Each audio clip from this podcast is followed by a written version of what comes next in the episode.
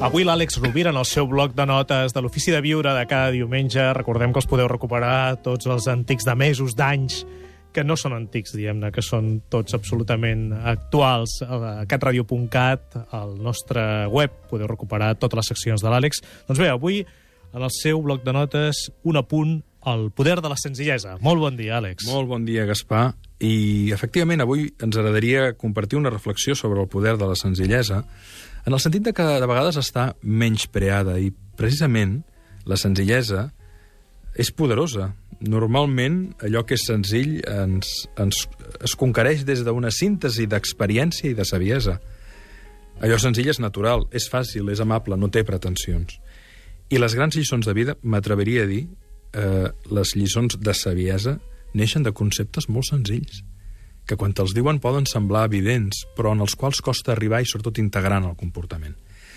I m'agradaria compartir un fragment eh, avui, cosa que mai no he fet, però ho faig també en honor de l'amic Francesc Miralles. Sí, d'un llibre que teniu escrit Sí, és un, és un fragment del laberint de, de la, felicitat. felicitat. Però està basat en una història real, que és que en Francesc, quan era jovenet, per guanyar-se la vida als estius, feia de cambrer.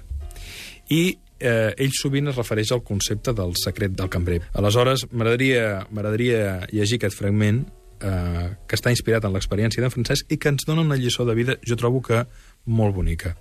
La protagonista del conte és l'Ariadna, i recordem que és una noia que està perduda en un, una mena de laberint, del qual no pot sortir, però es va trobar una sèrie de personatges que li donen pistes. I diu així. Ariadna va arribar al cafè del laberint i es va seure en l'únic tamboret buit al costat de la barra, i es va sorprendre en trobar davant seu tres tasses buides, com la primera vegada que havia entrat al cafè. Això la va convèncer de que l'estaven esperant. El cambrer va confirmar aquesta certesa en dirigir-se cap a ella molt rialler i dir-li «Bé, què desitja la senyora?» I l'Ariadna va respondre «Ja ho sap, vinga que m'expliqui quin és el sentit de la vida». «Això faré, però no oblidi que el sentit de la vida és diferent per cada persona, i és vostè mateixa qui ha de descobrir-ho. Jo només puc explicar-li el que ha descobert després de treballar 40 anys com cambrer. L'Ariadna va contemplar expectant les tres tasses buides, mentre l'home es posava bé l'armilla abans d'iniciar, feliç i somrient, la seva explicació. He calculat, diu el cambrer, que el contacte d'un cambrer amb cada client que demana un cafè no supera de mitjana un minut escàs.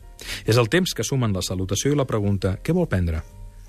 El que et demana el client, quan poses la tassa sobre la taula, l'hora de passar el compte i el comiat quan se'n va. Són molts moments diferents, però el veritable contacte entre el cambrer i el client no supera en conjunt el minut. I què significa això? pregunta l'Ariadna.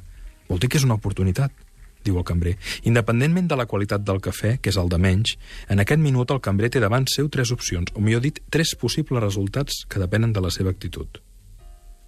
El cambrer va fer una breu pausa per buscar les paraules més adequades i va seguir. En aquests minuts pots aconseguir que la persona marxi pitjor del que ha arribat si ets groller, o bé Pot anar-se'n igual com ha vingut si el tractes amb indiferència, però també tens l'oportunitat que surti del cafè millor del que ha entrat, si li regales una mica d'amabilitat.